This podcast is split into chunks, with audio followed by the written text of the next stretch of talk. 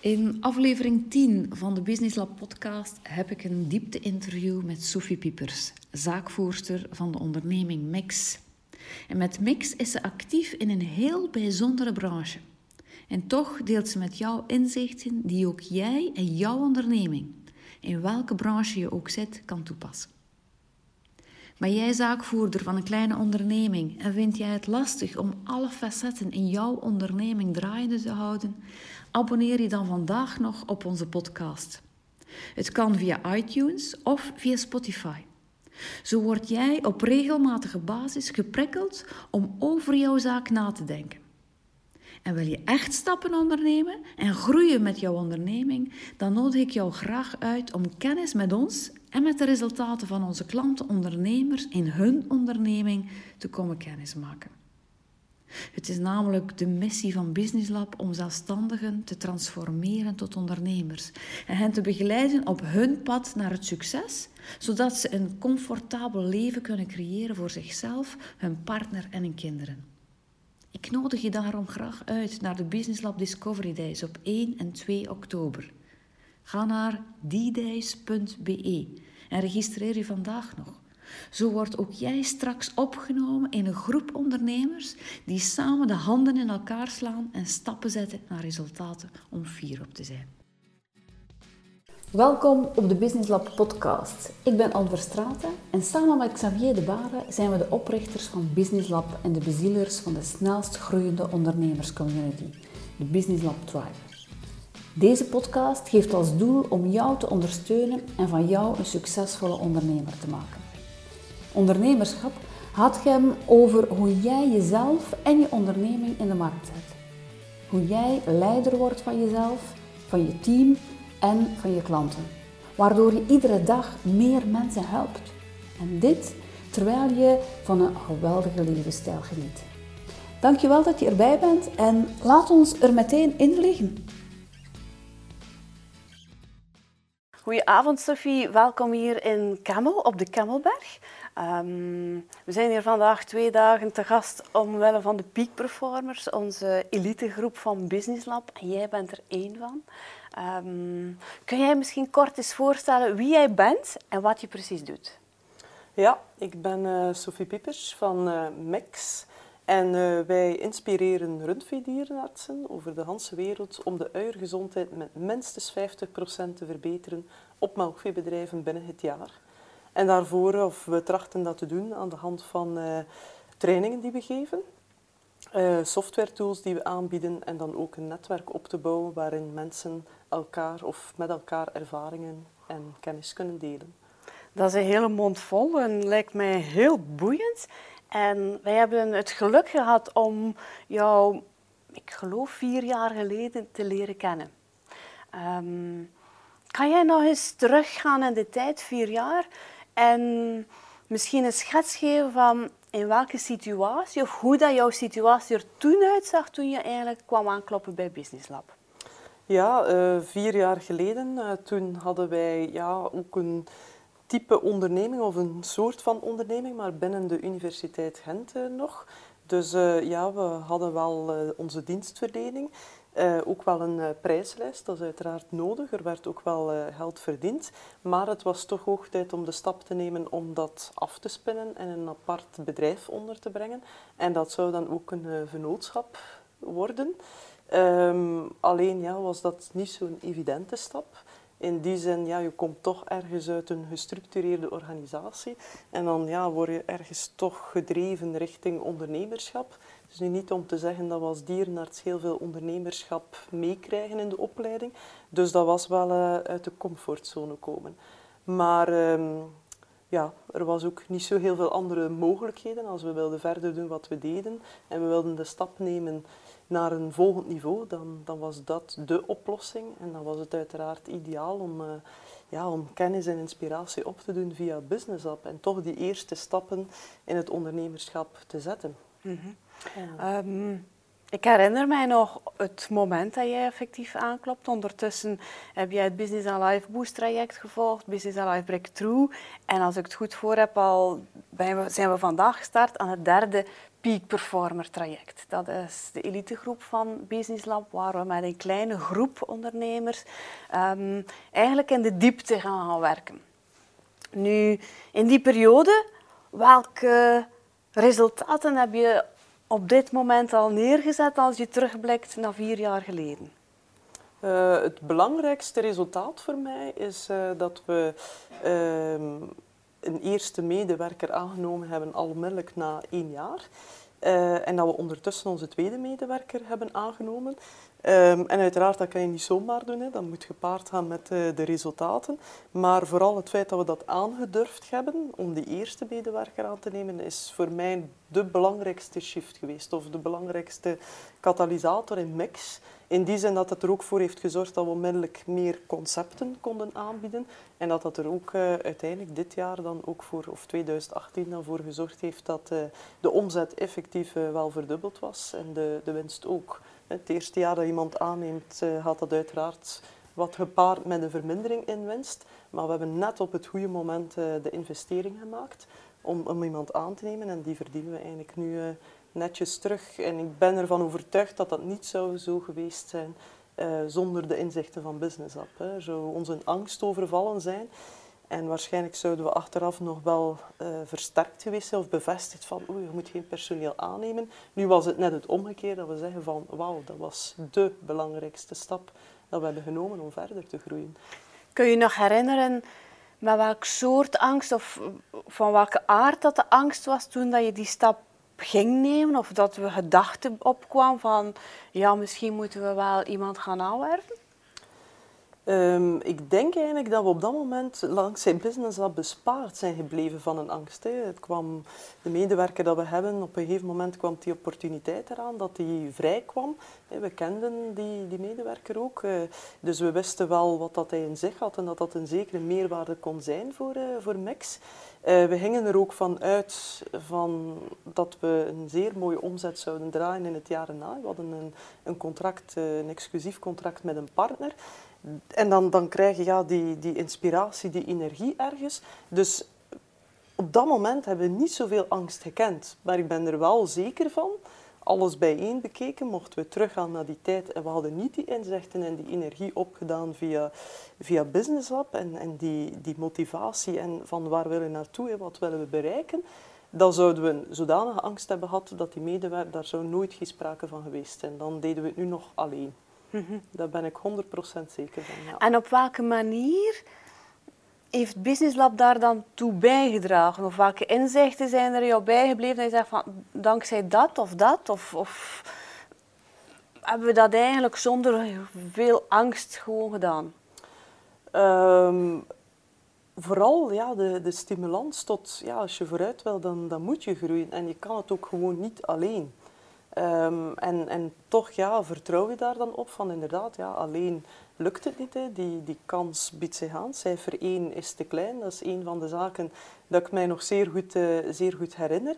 En dan ja, ook, ook het idee van, van stel nu dat het niet lukt, er vallen ook geen doden. In het slechtste geval is het gewoon tot de beslissing komen dat je terug met minder personeel moet doen en dat je misschien een stap terug moet nemen. Wat niet aangenaam zou zijn, daar, daar mag ik zelfs niet aan denken.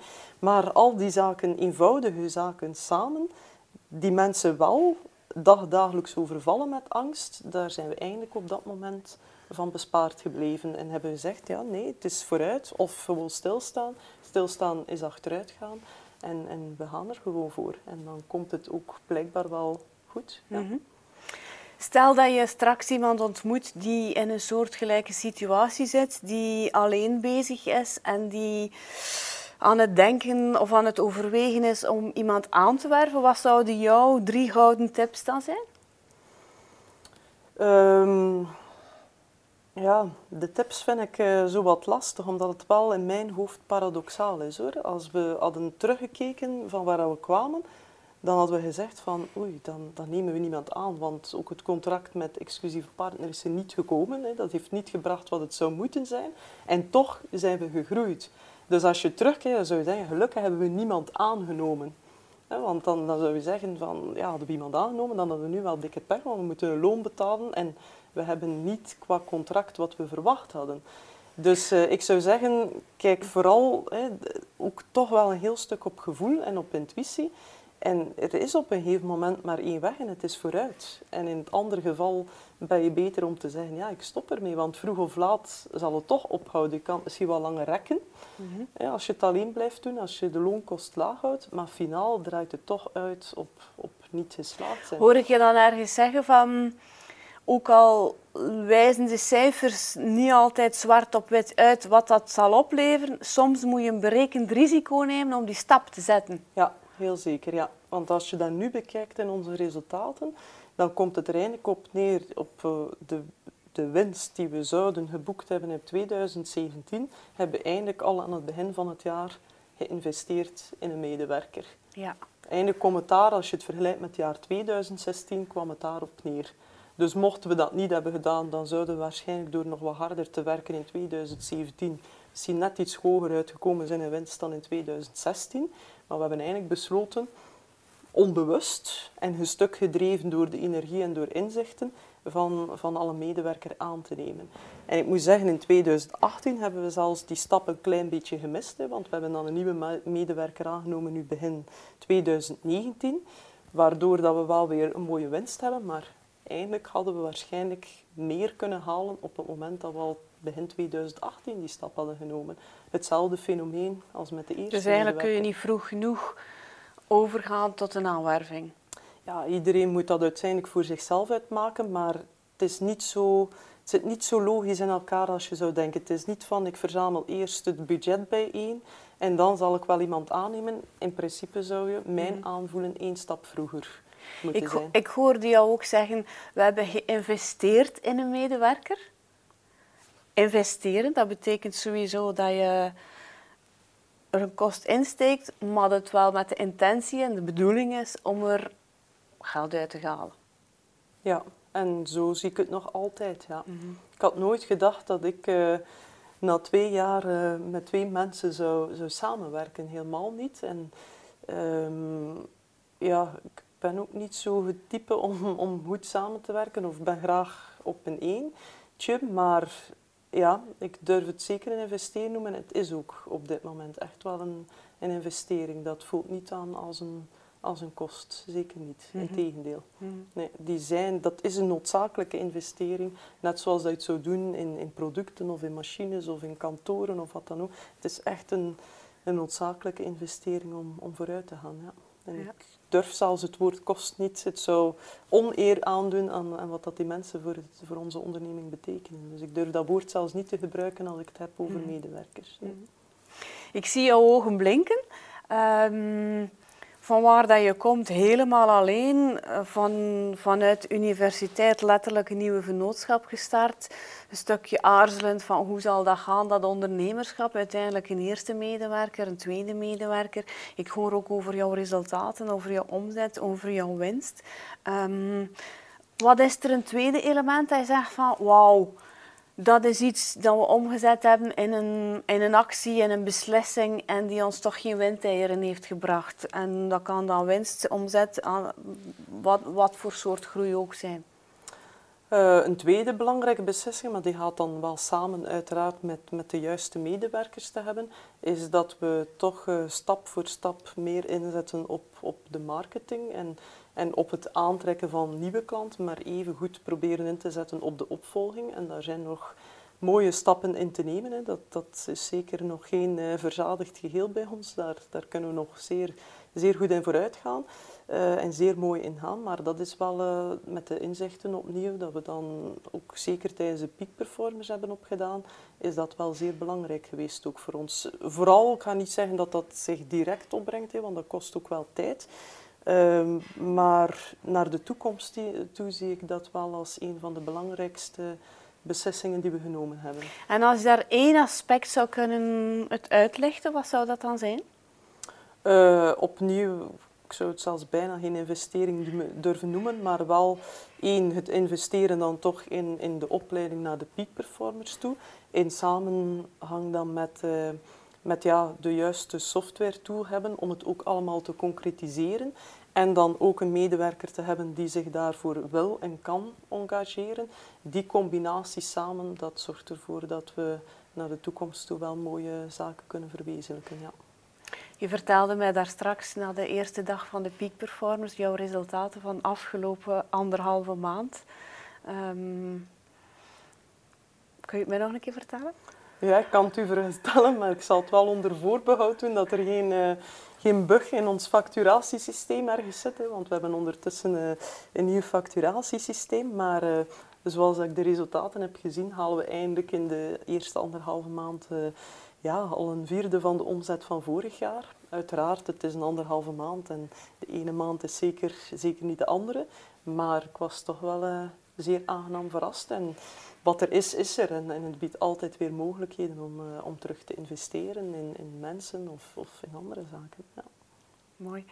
Sophie, mocht jij mm, morgen um, een ondernemer tegenkomen um, die op dezelfde plek staat waar dat jij vier jaar geleden stond, wat zouden dan de drie gouden tips van Sophie zijn? Uh, de drie gouden tips zouden zijn van um, denk niet alleen te kunnen. Zelf zie ik dat ook wel in mijn eigen leven kan ik heel veel zaken alleen. Is het niet op korte termijn, dan zal het wel op lange termijn gebeuren.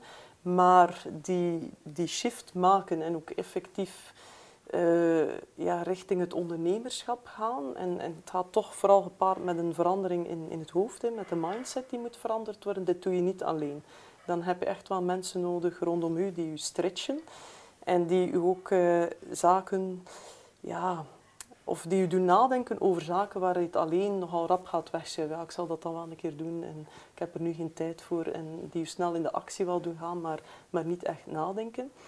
Een tweede tip zou zijn van geloof, geloof dat het ook kan lukken. Hè. Als je een goed idee hebt, ja, ga ervoor. Het heeft echt geen zin om om het daar te laten hè, of om stil te staan, dan ga je gewoon achteruit. Dus als je beslist om ervoor te gaan, dan, dan is het ook belangrijk dat je er gewoon voor gaat. All the way, hè, gewoon doen.